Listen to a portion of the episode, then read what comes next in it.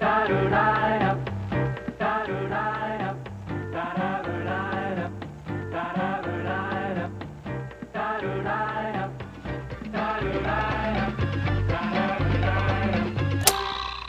Välkomna till Reformera-podden. Vi är mitt uppe i en liten följetong här. Jag sitter i Klaragården mitt i Stockholm city med Karl-Erik Salberg som var med förra programmen.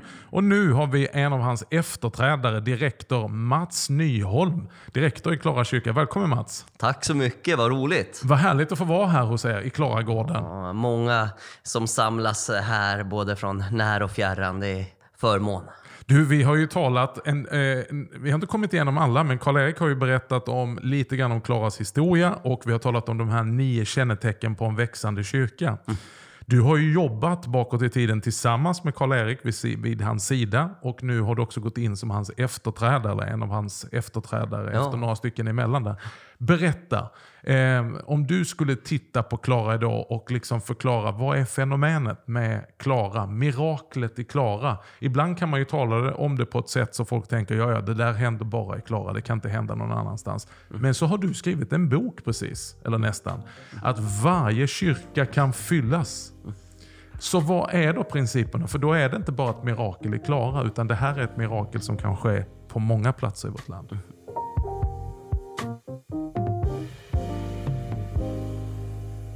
En vinkel att svara på den frågan är att ta namnet på den här podden. Eh, kyrkor som reformeras, mm. alltså kyrkor som kommer tillbaka till sina källor i Jesus Kristus. De kyrkorna blir högljudda eller lågljudda, eh, moderna eller konservativa, eh, nytänkande eller gammaltänkande. Kyrkor som reformeras och får mm. liksom tag på både nåd och sanning, de mm. får stor inverkan på människor. Mm. Och de hjälper många. Mm. Det verkar inte handla om samfundsetikett eller vilken stil man har.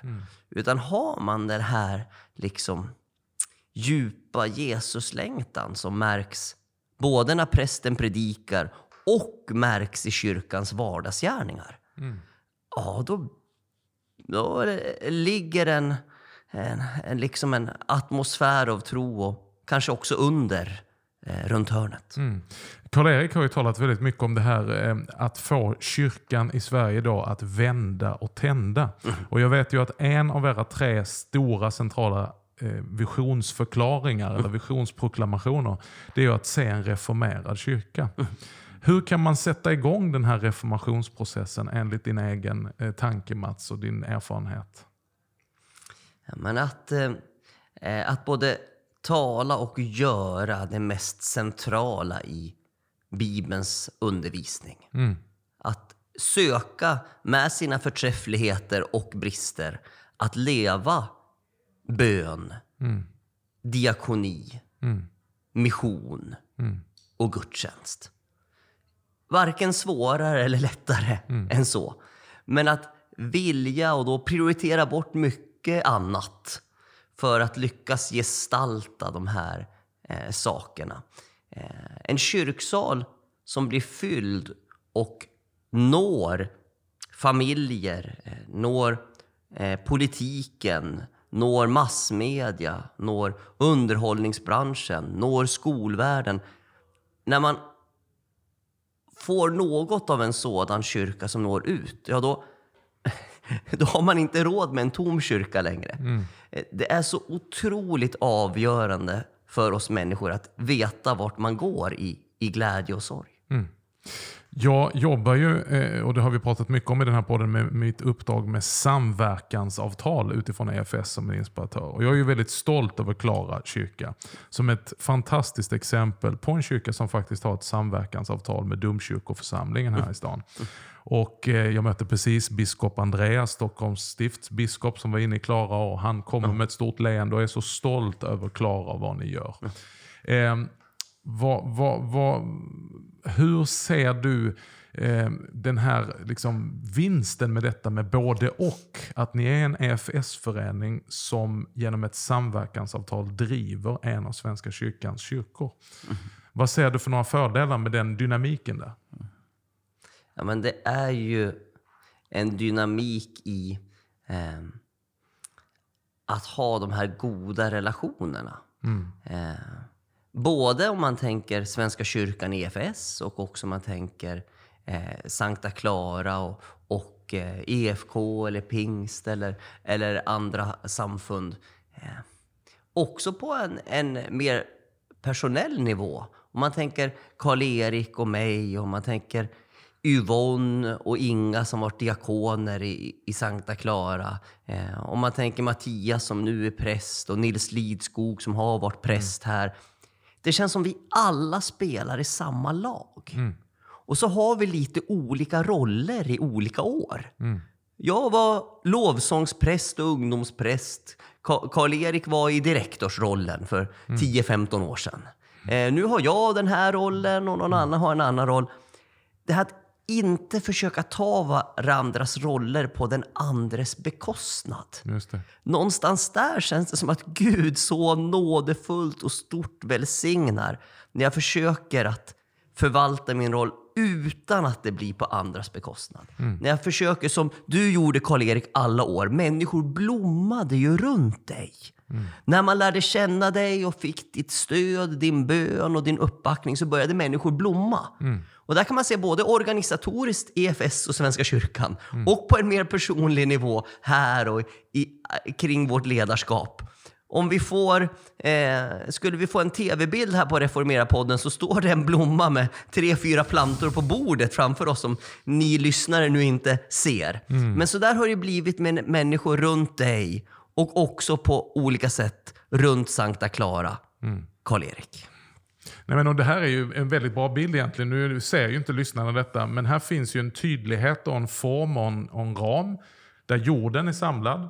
Och där någonstans så börjar den ringa begynnelsen med ett frö och jag skulle gissa att om vi kommer hit om någon månad så är den stor och den har växt. Och det slår mig när jag tänker på Klara att här finns kombinationen av en väldigt tydlig linje men samtidigt att man lite grann släpper kontrollen och låter tusen blommor blomma.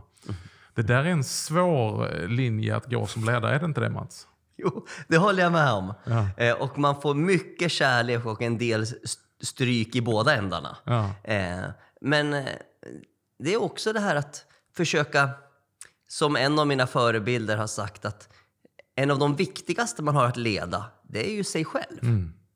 Man kan inte bara skylla sin egen, sina egna lidanden på allas omständigheter och vad alla sa och tyckte och sådär. Utan om jag har fått förmånen att ha ett så roligt och innehållsrikt jobb som jag har. Eh, så kan jag också tänka mig att den här veckan är jag förberedd på 20 välsignelser och 10 prövningar. Just det. Och, och, och, och blir jag då, så jag inte blir så lamslagen vid varje prövning. För då drabbar det andra i personalen och min familj och, och så vidare. Utan förberedd på mycket kärlek, mycket omsorg, bön och välsignelser. Men som också en av våra vänner Hans Weissbrot brukar säga, antingen är man ju i just nu i flera prövningar. Eller så är man ju i 120 kilometer i timmen på väg till, mot nästa prövning. Just det. Så är ju livet på jorden för oss människor. Så det kanske är det vi har att förvänta. Och se hur Guds rike kommer genom detta. Mats, det som eh, karaktäriserar hela den här kyrkan och din tjänst är att du är på väg just nu in i nästa rum för att ta och ha en, en annan samling och det är härligt. Det sjuder av liv. Så innan vi ska fortsätta med Karl-Erik och eh, hans nio kännetecken. Om du fick ge en sista hälsning kort. De som inte har läst din bok, de som inte har tid med, med, med hela det fulla budskapet. Vad skulle du vilja säga till många av de präster som jag vet lyssnar och följer den här podden? Vad är det viktigaste du skulle vilja säga till dem när de tittar på dig och på Klara med kanske en viss avundsjuka eller avundsfriska kanske vi ska kalla dem. Och sagt, tänk om jag fick stå i det. Vad är ditt råd till dem? Ja, jag lyssnar gärna på, på andras eh, råd. Men jag tycker ju nog att eh, jag återvänder till en av de saker vi, vi talat om. Det här att, att se sig själv som en tjänare. Jesus sa ju, jag är mitt ibland er som er tjänare. Om man tar ett prästjobb för att bli uppskattad, populär.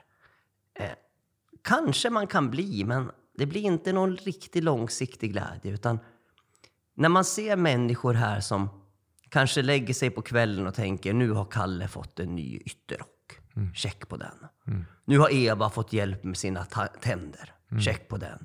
Nu har Ali fått ett mål varmt ma varm mm. mat idag. Check på den. Nu har Greta fått en vän. Check på den. Alltså det här att, att våga se sig själv som en tjänare istället för eh, en rockstjärna. Mm. Jag som försökte bli rockstjärna och med Guds nåd misslyckades med det på 90-talet i, i London. Mm. Eh, bönen, Herre, gör mig som dig. Gör mm. mig till en tjänare. Hjälp mig att betjäna andra med bön, med diakoni, med mission och i gudstjänst. Mm. Tack så mycket Mats. Tack för att vi får sitta här och spela in i Klaragården. Och Gud välsigne dig din viktiga uppgift som direktor för Klara kyrka. Att förvalta det här miraklet och se det tillväxa. Tack ska du ha för att du kunde komma in. Stor glädje. Tack vänner. Men vi är ju inte över för det, utan alldeles strax efter pausen här så ska vi återvända med Karl-Erik och höra. Vi har ju det bästa. Eh, det är lite som Jesus, du har sparat det bästa till sist höll jag på att säga.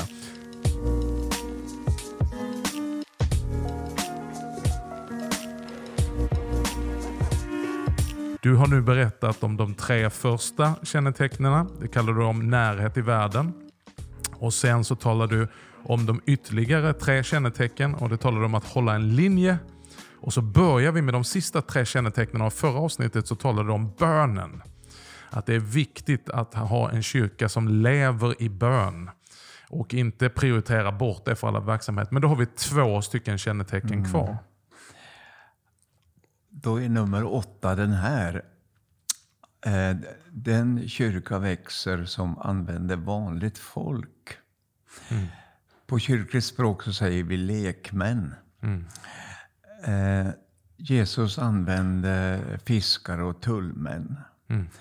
I ur, en kyrkohistorisk gigant han heter Adolf von Harnack. Mm. Han brukar säga att han förstörde sen all forskning kring kyrkan han var så, hade så grundligt gått igenom den.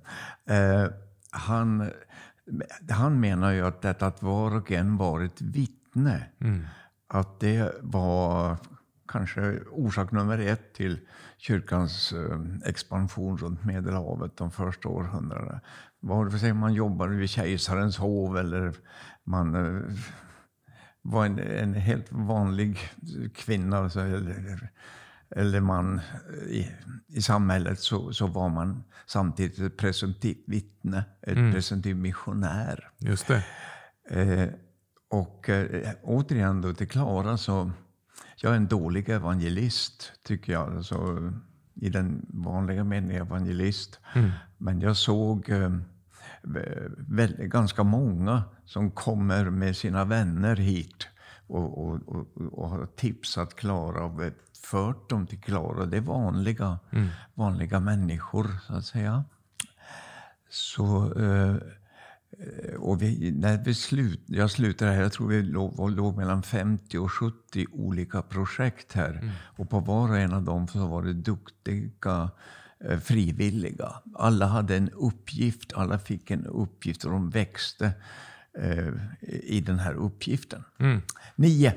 Den kyrka växer som är beroende av den helige Andes kraft och gåvor. Mm.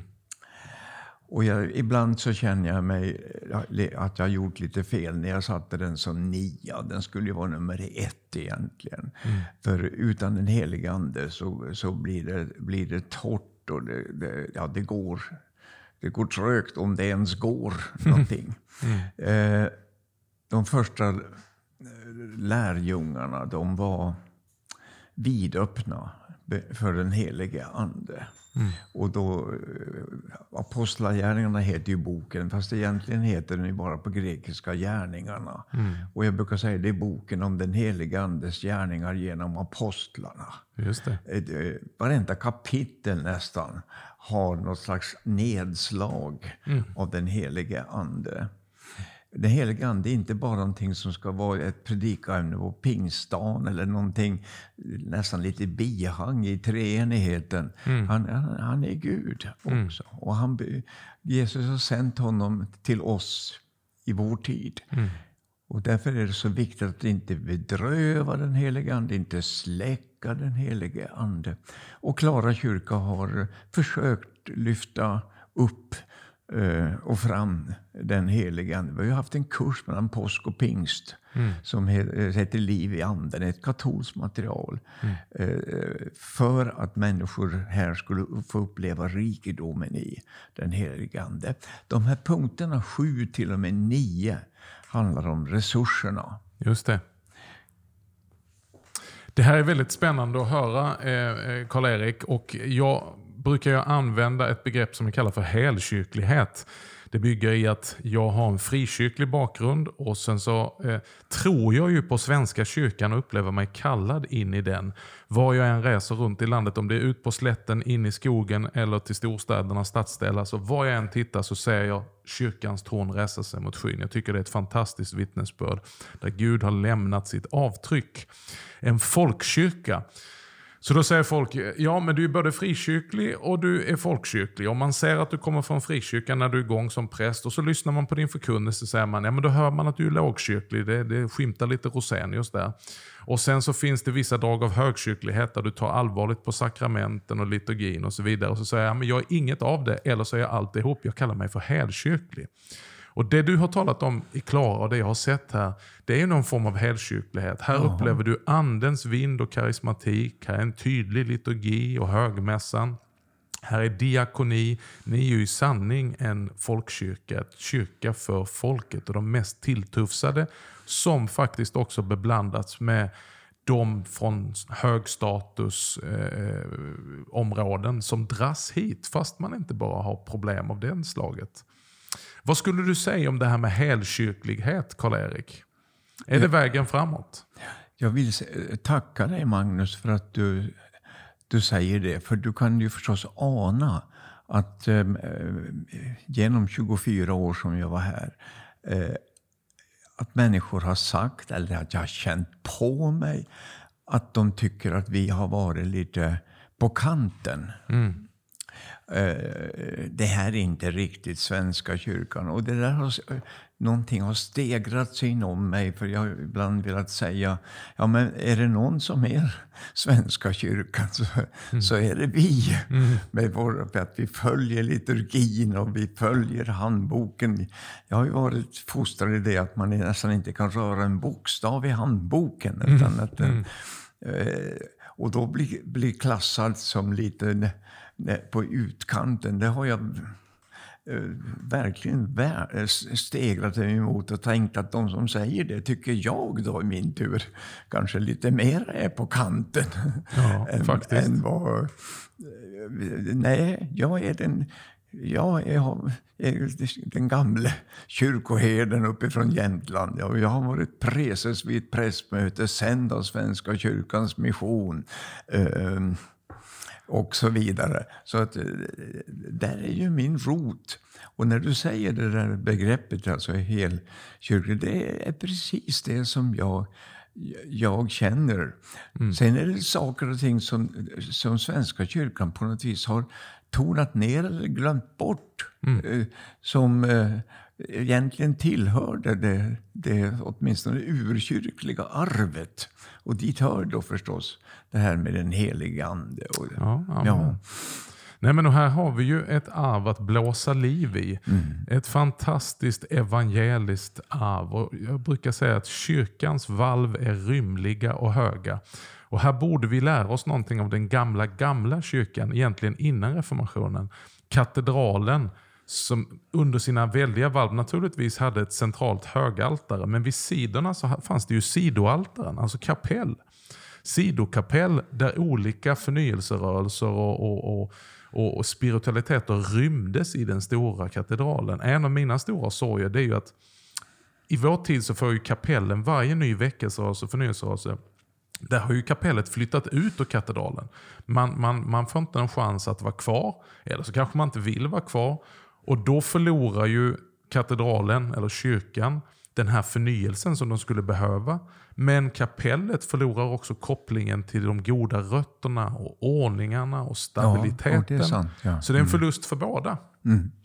Tänk om vi kunde se en framtid. Tror du det finns en sån framtid, eh, Karl-Erik? Och då tänker jag att det finns en väckelserörelse som genom 165 år har förblivit, genom mycket kamp, som en inomkyrklig rörelse och det är EFS. De vill mm. verkligen vara ett kapell i katedralen. Mm.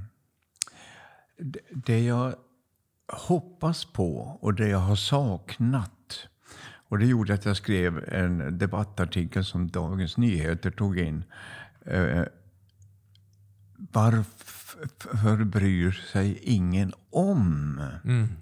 Är det ingen som bryr sig om mamma? Mm. mamma det är en bild som Tertullianus säger om kyrkan, kallar henne mamma. Det. Är det ingen som bryr sig om mamma? Mm. Att hon mm. flämtar, mm. att hon i inlandet eller i glesbygdsområden i nästan praktiken är död. Ja, den är förrättning, begravningslokal, förrättningslokal och den kan vara konsertlokal. Men eh, den gudstjänstfirande församlingen finns det är ingen som, är ingen som bryr sig. Mm.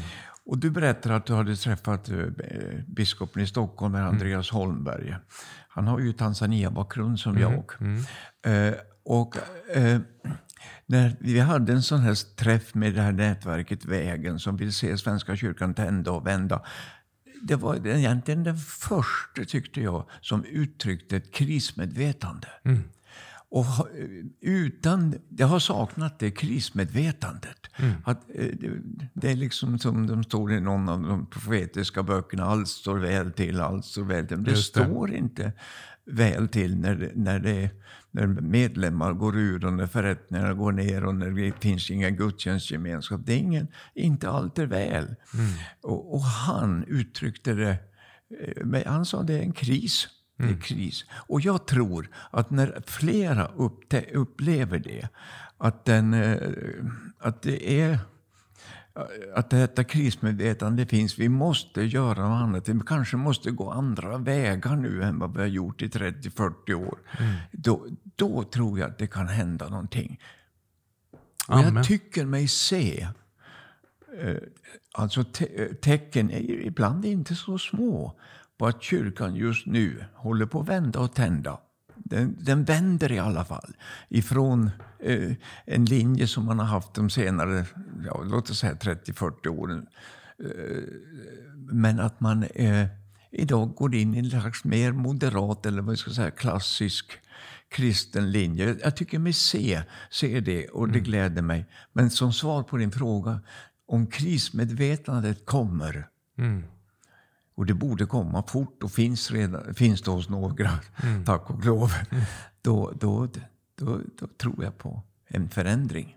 Det är som de brukar säga, kris är mer än halvvägs till Kristus.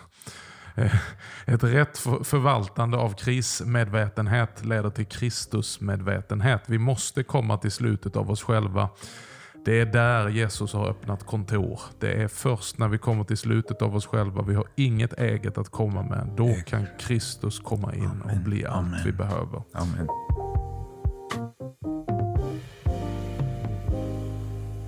Ja, vi ber för vår svenska kyrka och vi tackar dig Karl-Erik. Vi vill hedra dig och hylla dig och tacka dig för den inspiration du har varit när du har stått på i ensamhet med en liten grupp, en EFS-förening, Klara kyrkas vänner, som eh, arbetade mot alla odds, men med tro på de här principerna, med den heliga andes kraft och med ett hjärta som brann av kärlek för de minsta i samhället.